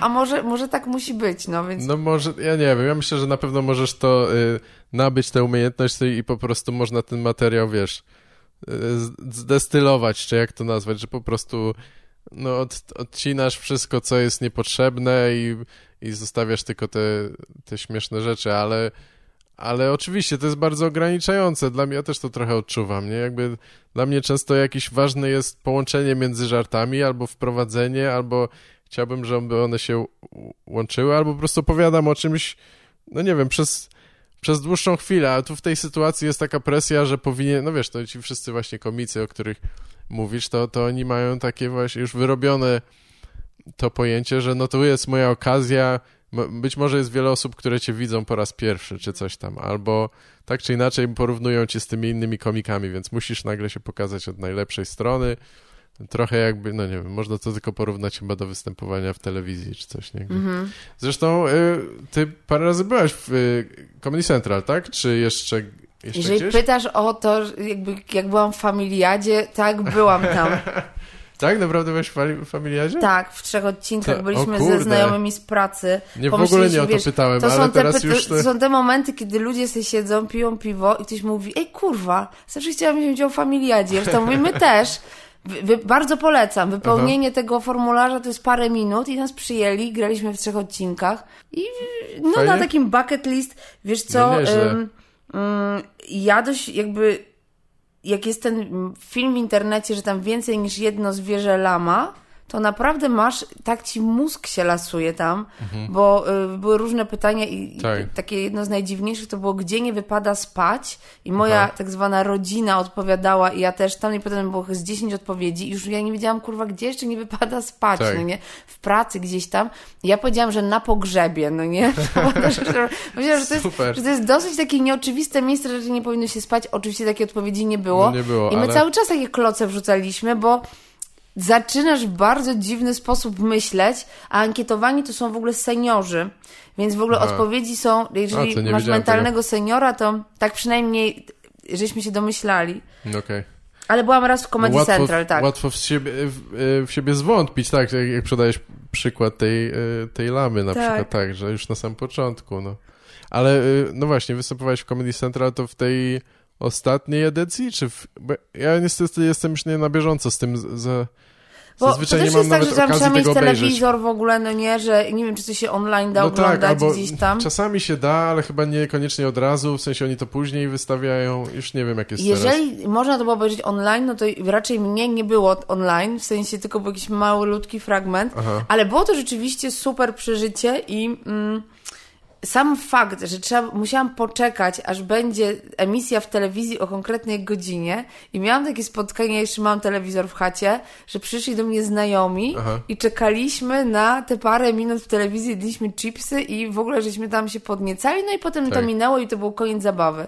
Ale było mi miło, że... Mm, ja, ja w ogóle mam tak, że mi po prostu zazwyczaj jest miło i mam, nie wybrzydzam, bo też y, jest to na tyle ar, jakby alternatywna jakaś ścieżka, że mam takie, okej, okay, fajnie, że ktoś mnie zaprosił, dzięki guys i że mhm. mm, no jednak bierzesz udział w jakimś castingu i coś tam i no było to dla mnie wydarzenie jakieś. I siedzisz cały dzień i e, samo, samo nagranie chyba też jest takie dość stresujące, nie? Bo tam, ja nie, nie pamiętam, rano to robiliście, czy... To trwało rzeczywiście cały dzień, cały bo to były tak. dwa nagrania i y, y, dużo przygotowań i tak dalej. Ja też y, właśnie nie mam bardzo dużo dobrych znajomych w świecie stand-upowym, także spotykam się ze starymi ziomkami mówię, o siemano, coś no tak. tam. Tylko my się tak znamy, no, jak jesteśmy takimi znajomymi z daleka, no nie? Więc ja zazwyczaj, jak jestem na jakichś takich wydarzeniach stand-upowych, to ja jestem dosyć samotna, bo nie znam się dobrze ze wszystkimi, a improwizatorzy mają to do siebie, że my tak strasznie sobie lubimy pogadać i nie tak, że od razu gramy na gitarach i śpiewamy pieśni, ale my wiesz, my się na przykład razem rozgrzewamy przed spektaklami. Mhm. My razem mamy jakąś taką część zabawy tak. wspólnej, a świat stand-upu to jednak jest świat dla mnie, z mojej perspektywy, jakiejś ogromnej samotności, że niby sobie gadamy, to też akurat w ogóle siedzenie na zapleczu tego Comedy Central z wieloma osobami, których nie spotkałam wcześniej, było takie, że cały czas opowiadasz żarty. Nawet jak gadasz sobie normalnie, to opowiadasz żarty. Mam takie, hej, jestem zmęczona, czy możemy uh-huh. porozmawiać o czymś, czy mogę z kimś posiedzieć i chociaż pogadać o czymkolwiek i tak. nie... I każde moje zdanie nie musi być jakimś niezwykłym punchlinem, bo niby jest tak, że jest jedna ekipa akurat na ten jeden dzień, ale trochę jesteśmy konkurencją i jak tu ze sobą gadać, w sensie to są moje takie dywagacje osoby trochę z zewnątrz, Tak. że y, nie możemy się razem rozgrzać, no bo nie jesteśmy improwizatorami, każdy z nas jest osobnym artystą, siedzimy obok siebie, gadamy głupoty i coś tam. Mhm. Brakuje mi trochę takiego połączenia i takich przyjaźni tam, ale też Tak. nie jestem w żadnej ekipie po prostu. Muszę, może muszę sama swoją założyć i Tak, nazwać ją jakoś po prostu. swojej Więc klimy. nie mam, no. No tak, no coś ty wiesz, bardzo szybko streściłaś właściwie tak naprawdę, co tam się dzieje. Ja często albo po prostu jestem gdzieś tam w kącie i, no może nie na nagraniu, ale tam coś powtarzam, patrzę w kartkę, albo w ogóle jakby siedzę tak myślami w środku, nie? Powtarzam coś, no albo właśnie rzucę się jakimiś głupimi żartami. Ja chyba się już do tego przyzwyczaiłem i też to jest taki może tryb, na który się przestawiam. Czasami mi nawet tego brakuje, ale na początku też mnie chyba to bardziej drażniło, bo ja jednak no w pewnym momencie ja bym chciał jednak z ludźmi pogadać trochę, nie? O czymkolwiek, ale tak, że nie do, dokładnie jak mówisz, że nie każde, nie każde moje zdanie czasami powiesz coś i jest takie zawieszenie i ludzie czekają i co, gdzie jest ta puenta? Tak. Jakby co ty by, po co to mówię? A wiesz, po prostu chciałem się podzielić informacją jak człowiek normalny, ale nie, tak się nie da. Ale to też zależy, no nie wiem, nie wszyscy nie wszyscy też komicy chyba są tacy, że non stop e, cisną żarty. Nie wiem, ja się chyba przestawiłem na to, że bardziej szanuję tych, co żartują, niż tych, co są poza sceną nieśmieszni, bo takie mam, nie wiem, jakiś dysonans, że jakby co ty... Czyli to chyba jest takie wszystko strasznie sztuczne to, co ty robisz, skoro Mhm. nie masz jakiejś takiej lekkości, żeby pożartować, ale no, nie, nic na siłę, nie? No jakby rozumiem, rozumiem o co ci chodzi. Bo właśnie nie wiem, czy zapytałem, co cię skłoniło do tego, żeby, żeby tego stand-upu próbować, bo jakby właściwie to było tak trochę na zasadzie, że widziałeś tych ludzi, którzy przychodzą na open mic'i, jak to często jest i takie, Ja ja, w ogóle miałam tak, że chodzi... mogę to lepiej zrobić. I właśnie bo- nie, i nigdy nie? tak nie pomyślałam. Myślę, że bardzo dużo ludzi, którzy oglądają impro ma takie, taką myśl. No to Że- może tak. absolutnie y, mogliby teraz natychmiast wejść i zrobić to coraz lepiej. Ale nawet pójście do familiady, wydaje ci się, że lepiej odpowiesz, Tak, potem jasne. gówno odpowiadasz i mówisz, że na pogrzebie nie można spać. E, Na jeden z dziesięciu każdy jest mądry, jak siedzi na kanapie, nie? Więc y, jaki to był taki moment, żebym... Y, ja nie chodziłam na open mic'i w ogóle i ja w ogóle nie byłam absolutnie wkręcona w stand-up. To znaczy tak, lubiłam komediowe rzeczy i w ogóle też wejście do świata impro otworzyło mi takie specjalne drzwiczki, za którymi po prostu było mnóstwo jakiejś zajebistej komedii. Ja nie wiedziałam, czy to jest SNL, no nie wiedziałam, kto to jest Louis, nie wiedziałam, to jest... Jak spotkałam ludzi właśnie, którzy potem się stali moimi przyjaciółmi i oni też byli, powiedzmy tam, nie wiem, rok już wcześniej już zaznajomieni z jakimiś bardziej ambitnymi rzeczami, to jak oni operowali różnymi nazwiskami, nazwami, ja takich, ja pierdolę, co to jest w ogóle? No tak. Ja oglądam Spadkobierców i w ogóle coś tam, no nie, i różne komedie. Em, lubiłam różne komiczki, komików, coś tam, ale takich, no, których mogłam oglądać na Polsacie, nie wiem, Whoopi Goldberg na przykład, no nie, a nie Aha. jakąś bardzo alternatywną komiczkę z Chicago czy kogoś tam. Tak. Chyba w ogóle taka potrzeba, bo impro jest wspaniałe pod tym względem, że jest takie kolektywne, że musisz się nauczyć tego, że w ogóle razem ludzie mogą stworzyć coś ekstra i zawsze jest tak, że nie jesteś tylko ty, tylko jest druga osoba, chociaż jedna. Ale to chyba... jest, jak się wstępuje do tej sekty? Czy to, e, robicie igiełką sobie i dzielicie się krwią? Czy jest tak przysięga coś Dokładnie tak robimy. Widzę, że ktoś ci już zdradził to po prostu. Wiesz, Jest, obcinamy no. palce i sobie przeszywamy w ogóle. Mówimy, Aha. teraz część mojego ciała O jest kurde. twoim ciałem i tak robimy. No. I jak się nie przyjmie, to znaczy, że nie możesz robić. Że impro. w ogóle nie masz otwartego umysłu Nie na no. impro. No. Mówię, że chcesz współpracować, a kurde, tam Tak. palec ci odpadł. Mm-mm. Aha. No jest, jest ta, ta, ta zdecydowanie tak, której nie, nie ma może... I chyba po prostu taka potrzeba mm, zaspokojenia swojego ego i ciekawości też. Yy, I zrobienia czegoś, akurat dla mnie stand-up zawsze był, teraz już troszkę jest mniej, bo myślę też o tym bardziej profesjonalnie, ale w całym tym takim komediowym w ogóle y, świecie moim dodatkowym hobby po prostu, bo już świat impro był pełen różnych zadań i obowiązków, obowiązkowych Tak. prób, ym, planowania tego, co tam dalej się wy, wydarzy z zespołem, robienia jakiegoś w ogóle, wiesz, kalendarza, a tutaj a, y, stand-up był dla mnie takim elementem wolności. nie muszę z nikim tego negocjować, wszystko zależy tylko ode mnie. Open mic'ów się stało nagle, jakby pojawiło się bardzo dużo w Warszawie i w ogóle możliwości, gdzie możesz sobie coś spróbować i zrobić po swojemu. Więc chyba to chodziło głównie o to, żeby mm, zrobić coś samemu. Samodzielnie, tak. Aha. A w ilu grupach impro byłaś? Czy to jest tak, że w swojej karierze przerabiasz ich kilka, czy nie? Bo ja mam wrażenie, że jakoś tak się wymieniacie czasami. Trochę, ja, wiesz, moje pojęcie jest bardzo takie szczątkowe, bo ja no, cho- chodziłem kiedyś częściej na te występy, a teraz to, to głównie jak występuję, więc przychodzę tak, na open mic i na, na inne stand-upy czasami. A Ja jestem tutaj dosyć wierna, muszę tak? przyznać, Mhm. że Masz swoje... jestem okej. jakąś taką impro, y, impropoliamorystką, że y, ja byłam, ja długo miałam tylko jedną grupę, w zasadzie, bo jeszcze tam spektakle dla dzieci, jakieś takie poboczne y, tematy, no właśnie, wiem. ale także ja była w kilku grupach, które mają swój konkretny klimat, inne nazwy, inne jakieś struktury i tak dalej, to tak nie miałam. A teraz, od kiedy jest resort komedii, to moją grupą jest po prostu taki house team resortu komedii i w ramach tego po prostu mamy różne spektakle, więc raczej też przez to, jak bardzo alternatywny i analogowy jest ten świat i jak duża jest w ogóle oferta wszystkiego na świecie, to nie ma się co oszukiwać, że nazwy grup to jest jakby nazwa Hulaj po warszawsku na przykład. Bardzo słynna grupa, nie wiem czy słyszałeś. Tak, tak. No nie będzie nigdy tak słynną nazwą jak Beatlesi na przykład i cała Warszawa nie będzie "Idę- idziemy na hulaja, no nie? Aha. Że jednak na przykład konkretne formaty, jakieś specjalne spektakle stały się o wiele bardziej rozpoznawalne niż nazwa grupy. Aha. Że na przykład jest impro po ciemku, albo nie wiem, y, A, pijane okej. impro, albo coś tam, że po prostu są jakieś konkretne spektakle i ludzie mają, o, oni, wiesz, to jest fajne, bo możesz bardzo dużo różnych rzeczy spróbować, możesz mieć różnych gości, możesz grać tak naprawdę do wszystkiego, co No wydaje tak. ci się interesujące. A teraz już właściwie y, wróciliście do normalnego w miarę występowania w resorcie?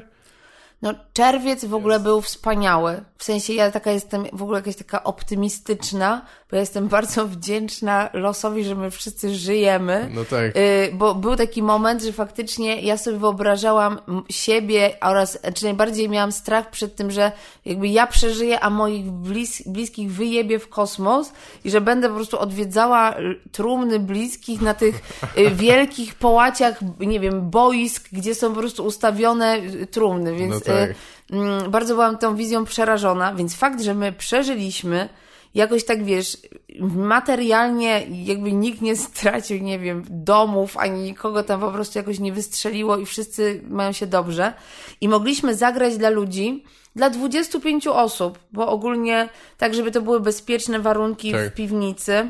I jak masz po prostu 25 krzeseł, każde jest zajęte i do tego jeszcze mówisz, że jest sold out, bo po prostu było tylko 25 miejsc, atmosfera czerwca była ekstra. Aha. Ludzie byli super, y, tak samo i na impro i myślę, że na stand-upie też w ogóle było bardzo fajnie. Wszyscy się bardzo cieszyli po prostu, że można było tak, wyjść, że w ogóle wrócić. to jest, jasne. No ja też. Ale myślisz, że to już jest za nami teraz? Tak jesteś, bo to ja mam Nie wrażenie, że wydaje tak mi się, ludziom się tak wydaje, że to już jest wszystko okej, a to wydaje mi się, że wręcz przeciwnie, no ale rzeczywiście sytuacja nie wydaje się dramatyczna w Polsce, ale to chyba trochę dlatego, że no nie widzimy zas- zasadniczo skutków tego. W sensie ja, ja też y, nie twierdzę, że SARS-CoV-2 nie, nie istnieje, ale też osobiście chyba nie znam nikogo, kto, kogo by to dotknęło, więc to wydaje się takie abstrakcyjne, no, no nie wiem jak ty, ale... y, żadna z moich bliskich osób nie miała y, y, COVID-a. Natomiast w ostatnim tygodniu, czyli w pierwszym tygodniu lipca, w dwóch w ogóle jakby bliskich mi przestrzeniach pojawili, pojawiły się osoby, które okazało się, że są chore i też akurat u mnie w rodzinie mam jedną ciotkę w domu opieki i nagle w Warszawie i nagle się okazało, że tam też jest właśnie koronawirus. Więc y, przez czerwiec w ogóle wszyscy moi bliscy i w ogóle mój świat miał takie okej, jesteśmy uratowani, pijemy se piwko, po prostu biegamy po mieście. Y, natomiast nagle się okazało, że jednak w bliskiej, w bliskiej odległości ludzie chorują, więc. Y, mm, ale jakby ktoś pytał, ciotka ma się świetnie, jej koleżanki zachorowały, a ona ma się bardzo Tak? dobrze, Aha, więc. No dobra, super. Też A czy- widzę ją, że na przykład wszystkie koleżanki są już w szpitalu, a ona tam jedna siedzi, ona też ma Alzheimera i ogólnie no jest w jakimś innej, mam nadzieję, miłej przestrzeni teraz i w jakimś Tak. miłym czasie. Jakby na przykład to byłoby, nie życzę nikomu śmierci, ale byłoby to dosyć takie filmowe, jakby została sama na przykład, że wszyscy umarli oprócz niej. Ostatnia, aha. No, to było dziwne. A ktoś mi mówił, że w y, klubie komediowym był przypadek? Słyszałeś o tym? Yy, tak. I wszyscy artyści byli na kwarantannie. Aha. Wszyscy, jakby okazało się, że wszyscy są negatywni i mogą się tam po prostu, wiesz, spokojnie otworzyć. Już? To już było tak tak, dawno? tak, no. Aha, okej. Więc fajnie, to już. Stare wieści, no dobra, Tak. totalnie. Tak, jestem wujek, który odkrył Twittera nagle takie, co? O, to już zniknę, zniknęło? Dlaczego to już nie ma tak? No dobra.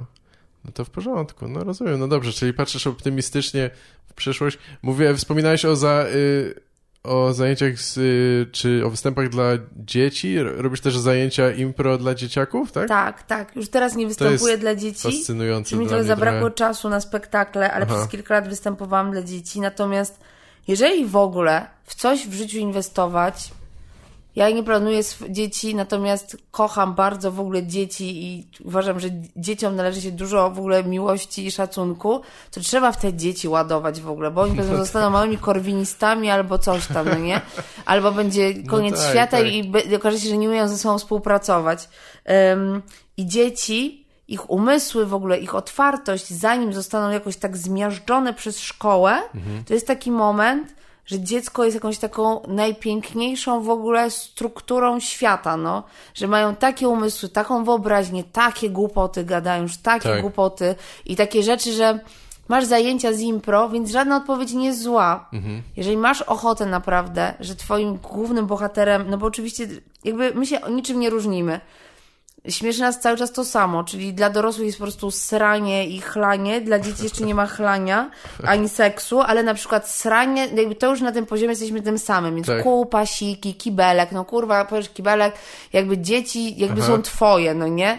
Mm, I jeżeli na przykład masz 6 lat, czy tam 7, jesteś na zajęciach, opowiadamy sobie historię, a ty po prostu strasznie jesteś sfokusowany na to, żeby cały czas był kibelek w tej historii i cały czas tak pierdolisz, mówisz kibelek, coś tam w kibelku i tak dalej, to nie jest, jakby to nikt ci nie powie, nie, no co ty gaweł, w ogóle nie wolno mówić w ogóle siki ani kibelek. Czyli Masz mówisz, ochotę to powiedzieć. Część, częściej dla dzieci występować po prostu. masz ochotę to powiedzieć, to zróbmy to i zobaczmy, co się wydarzy. Ale jeżeli miałbyś ochotę i taką ym, y, otwartość na to, żeby poszukać swojej wyobraźni jeszcze innej oferty dla innych dzieci niż kupa i kibelek i to, że się piesek zesrał, to poszukajmy tego po prostu, no Tak. więc Z dzieciakami robisz te same ćwiczenia, czy coś, Tak. co z dorosłymi, tak? tak. Ha. Te trochę prostsze, No jasne. Przy czym w ogóle takie zakładanie, że te rzeczy muszą być jakieś mega proste, bo to są dzieci i nie skumają, jest błędne. No tak. Bo one też kumają w ogóle na jakimś takim poziomie abstrakcji. E, one przede wszystkim, to co jest najtrudniejsze, to żeby one wyszły z takiego mm, trybu, że będzie jakaś kara, nagroda, ktoś wygra, ktoś przegra i tak dalej. Bo to są wszystko zadania, gdzie nie można przegrać. Nie można odpaść z gry, nie może być, wiesz, nie, nie idziesz, nie wiem, nagle pod ścianę, bo coś tam, bo nie wiem, źle odbiłeś piłkę i tak dalej. Więc, y, a one są nastawione na to, że na pewno będzie jakiś przypał na końcu zabawy, że ktoś zrobił to lepiej, że ktoś zrobił gorzej. Tak. Taki przykład grania w berka, no ogólnie ja na przykład jakby bardzo nie lubiłam, zawsze bardzo się stresowałam, że tam właśnie odpadnę z gry i coś tam. A w impro jak grasz w berka, to chodzi o to po prostu, na przykład jakby jest taka gra, która się nazywa zwierzęcy berek. Że na przykład gonisz wszystkich, ale udajesz jakieś zwierzę, no nie, tygrysa na przykład, więc Tak. gonisz wszystkich jako tygrys. I chodzi nie o to, żeby tej przed tą osobą uciekać, tylko żeby każdy został dotknięty i żeby na końcu wszyscy byli tygrysami, a nie tak, żeby było jedno dziecko, które mówi, o jestem zajebisty, w ogóle wszyscy w ogóle odpadli z gry, no nie? Żeby wszyscy, chodzi o to, żeby grać, a nie wygrać. Rozumiem. Więc ja nie wiem, czy jak ich przyzwyczajamy w ogóle i uczymy czegoś sensownego, bo może będą po prostu luzarami, yy, ale yy, no nie Ale chodzi jeszcze- o wygrywanie, no. No tak, ale jeszcze będą, o to super, to coś dla mnie, to ja jednak chyba, ja chyba muszę się zająć impro jednak. Chodź, mamy ten, wiesz, wyobrażone y, wirtualne warzywa. Jest jeszcze coś, co chciałem, nie wiem, czy, czy mamy czas. No, może to jest coś, co zadam ci to pytanie i najwyżej albo y, pogadamy następnym razem, albo podsumujesz to w trzy minuty. Chodzi mi tylko o taką, taki wątek, ale nie sądzę, żeby to była krótka rozmowa. To jest tak y, y, odnośnie wiesz, jakby tego, co wolno, o czym wolno żartować. O, właśnie tak. Nie, bo mam wrażenie, że troszeczkę, w, że w tym środowisku resortu czy, czy impro, że częściej macie taką rozmowę, czy że w ogóle jest więcej osób takich, które mają jakieś określone przekonania, że na przykład pewnych rzeczy nie wolno mówić, o pewnych tematach nie powinno się, czy coś takiego. I chciałem zapytać o twoje no. zdanie, bo to bardzo, mi jest bardzo ciężko. Ja też mam oczywiście swoje jakieś tam przekonania i granice mniej więcej, ale bardzo ciężko mi jest to pogodzić, wiesz, kontrolowanie jakby poprawności, nie chcę używać słowa poprawności politycznej, ale mniej mhm. więcej do tego zmierzamy, nie? że jakby rodzajów żartów, jakie są ok i bycie komikiem, bo jednak ja chciałbym mieć tą swobodę, żeby mówić prawie wszystko, tylko kierować się jakoś tym kontekstem, nie? A, a więc jak zacznę innym mówić, no nie, ty nie możesz robić tego, albo coś to jest nie w porządku, czy coś, chociaż zdarza mi się na pewno, to mam wrażenie, jakbym stał po drugiej stronie, gdzie jakby wie, wiesz, mhm. co chodzi, że to jest nie, nie można mieć i tego, i tego, a ty masz wyrobione zdanie na ten temat, coś jest dla ciebie gdzieś jakaś wyraźna granica, albo albo temat, który po prostu, którego nie akceptujesz, czy, mhm. czy ujęć, czy jednak no, odkładamy no, ile, to ile na masz następny godzin w ogóle? Nie, myślę, no że powiem szybko, wiesz, bo to no jest dobra. Też, no dobra. Y, Spróbuj, jak nie Ogólnie to... jest tak, w impro po prostu ten y, żart, który się pojawia na scenie, polega na czymś innym niż w stand-upie. Y, po prostu w impro nie ma żartów, tylko jest już godzinę ludzi, którzy robią pantomimę. Tak. Nie, że masz się nie silić na żart, tylko on wyjdzie po prostu z takiej kooperacji i współpracy, wyjdą no jakieś tak. absurdalne rzeczy. Jednocześnie jest to jakby u podstaw impro. Bardzo ważne jest to, że tam nie ma miejsca na seksizm, na rasizm, w ogóle na takie krzywdzenie innych, że na przykład w ogóle, nie wiem, jeżeli masz grać Chińczyka, to nie wiem, robisz sobie skośnych oczu no albo jasne. coś tam, żeby to było po prostu tak, z takiej, jak tłumacząc z angielskiego... nie robisz tylko dlatego, że trzymasz mikrofon tak, i potrzebowałeś że dwóch jednak rąk no, jakichś takich wyżyn twojej inteligencji po prostu. Też jakiegoś takiego szacunku w ogóle dla drugiego człowieka, który przede wszystkim jest twoim partnerem na scenie, a już nie mówiąc o ludziach, którzy to oglądają. Natomiast. Y... Ale mówisz, myślisz, że takie rzeczy jakby nie padają, że to jednak działa, bo przecież w impro jeszcze bardziej jest polegasz na chwili i... Wiesz, na początku... I podejmujesz decyzję, czy idę teraz w śmiech, czy nie, czy nie tak? tak Jakby... ale uczymy się tego w ogóle, żeby nie iść w tani śmiech, tylko żeby sobie trochę wyżej w ogóle postawić poprzeczkę. Co tak. czasami okazuje się, że przeskoczymy ją i w ogóle nie było śmiesznie, ale bardzo często okazuje się, że było mega śmiesznie, dziwnie i zaskakująco, ale nie musieliśmy na przykład, wiesz... Yy, jakby da, robić timing żartów. Oczywiście masz czasami chęć, żeby ludzie się zaśmiali i wiesz, co powiedzieć. Wiesz, w którym tak. momencie trzeba rzucić kurwą, kiedy trzeba byłoby, nie wiem, zagrać głupią typiarę albo coś tam. I że jednak każdy ma w sobie takiego wewnętrznego szwagra, co po prostu je kiełbasę i czeka na to, żeby coś takiego było. Ale to jest trochę taka walka w ogóle, wiesz... Ym, z, z tym, co na pewno wszystkich rozbawi, a czy trochę to przyciągnąć i poczekać, aż po prostu będzie to, nie wiem, fajniejsze albo mądrzejsze. Jeżeli chodzi o stand-up, to ja oczywiście mam, y, oczywiście, ja po prostu mam teraz, po kilku latach y, różnych działań, takie poczucie, że no, jeżeli ludzi to bawi, to znaczy, że to działa. Myślę i staram się po prostu, i mnie to nie bawi, jeżeli to są żarty, które opierają się na krzywdzie ludzi. To znaczy, absolutnie wydaje mi się, że stand-up jest od tego, żeby totalnie wypunktować i wyśmiać głupotę, jakby zło, rzeczy, które są dziwne i głupie w świecie, ale na przykład ja mam też inną perspektywę, no bo jestem kobietą. I jakby już w ogóle nie chcę wchodzić do tej, jakby do, do no tego tak, pokoju, jakby kobiety komedii, coś worek. tam, ale naprawdę, polecam ci i każdej osobie, żebyś jakby wszyscy, jakby miliony osób, które nas słuchacie, jesteście wspaniali, kochamy was, usiądźcie sobie kiedyś i posłuchajcie tego, y, zwłaszcza mężczyźni, jeżeli nawet idziecie na open mic, jak są skonstruowane żarty, ile razy pojawia się w żartach, że ktoś jest głupią cipą, że jesteś, że, że ty piara ci zrobiła loda i tak dalej. I ja w ogóle nie jestem, hej, jakby możemy po prostu, nie wiem, śmiać się z układania śmiesznych pudzli i po prostu, wiesz, łapania motyli. Niech to będzie kurwa o ruchaniu, ale tak. niech to czasami po prostu chociaż jakby, żeby jedna trzecia, 30% tego materiału trochę się zmieniło, Żeby żeby to nie było zawsze tak, że schemat. kobieta, bo to jest trochę tak jak bardzo dla mnie, dla mnie stand-up jest jak hip-hop, że to tak samo się zmienia, jest tak samo kurwa konserwatywny jak hip-hop po prostu, że są rzeczy, wiesz, jakby pojawiły się parę lat temu takie w ogóle dywagacje, czy naprawdę kobiety w tekstach hip-hopowych muszą być zawsze przedstawione jak głupie suki, no nie? Tak. Nie chcesz być głupią suką. Nie, nie zgadzasz się na to. Nie jesteśmy nimi i po prostu y, ja zrobiłam ostatnio cały taki materiał o, też o robieniu loda, serii jakby, bo mi się nie zgadzają statystyki, no nie? Bo w stand-upie u moich kolegów w ogóle jest stuprocentowa kurwa skuteczność, a według jakichś statystyk w Polsce tylko jakieś tam 30 kobiet lubi seks oralny. I Tak, to Aha. kto komu robi loda, bo nie ma tylu Okej. kobiet, które by tym chłopom chciały robić loda cały czas. Tak, tak. I po prostu y, wydaje mi się, że ugrzęzły żarty w jakimś torze, że to na pewno się sprawdzi. Y, I ten tor jest, y, lawiruje. Wydaje mi się, że nawet jest bardziej seksistowski niż rasistowski. Że jednak takich żartów, y, jeżeli czasami słyszę, to, to właśnie czasami ktoś po prostu stwierdza, że będzie super śmieszny żart o ukraińskich kierowcach albo kimś tam, ale tego tak dużo nie słyszę. Natomiast jednak to, No jak ja- się ja kurwa słyszę, dławie czyimś kutasem, bo Tak. coś tam, to mam takie stary.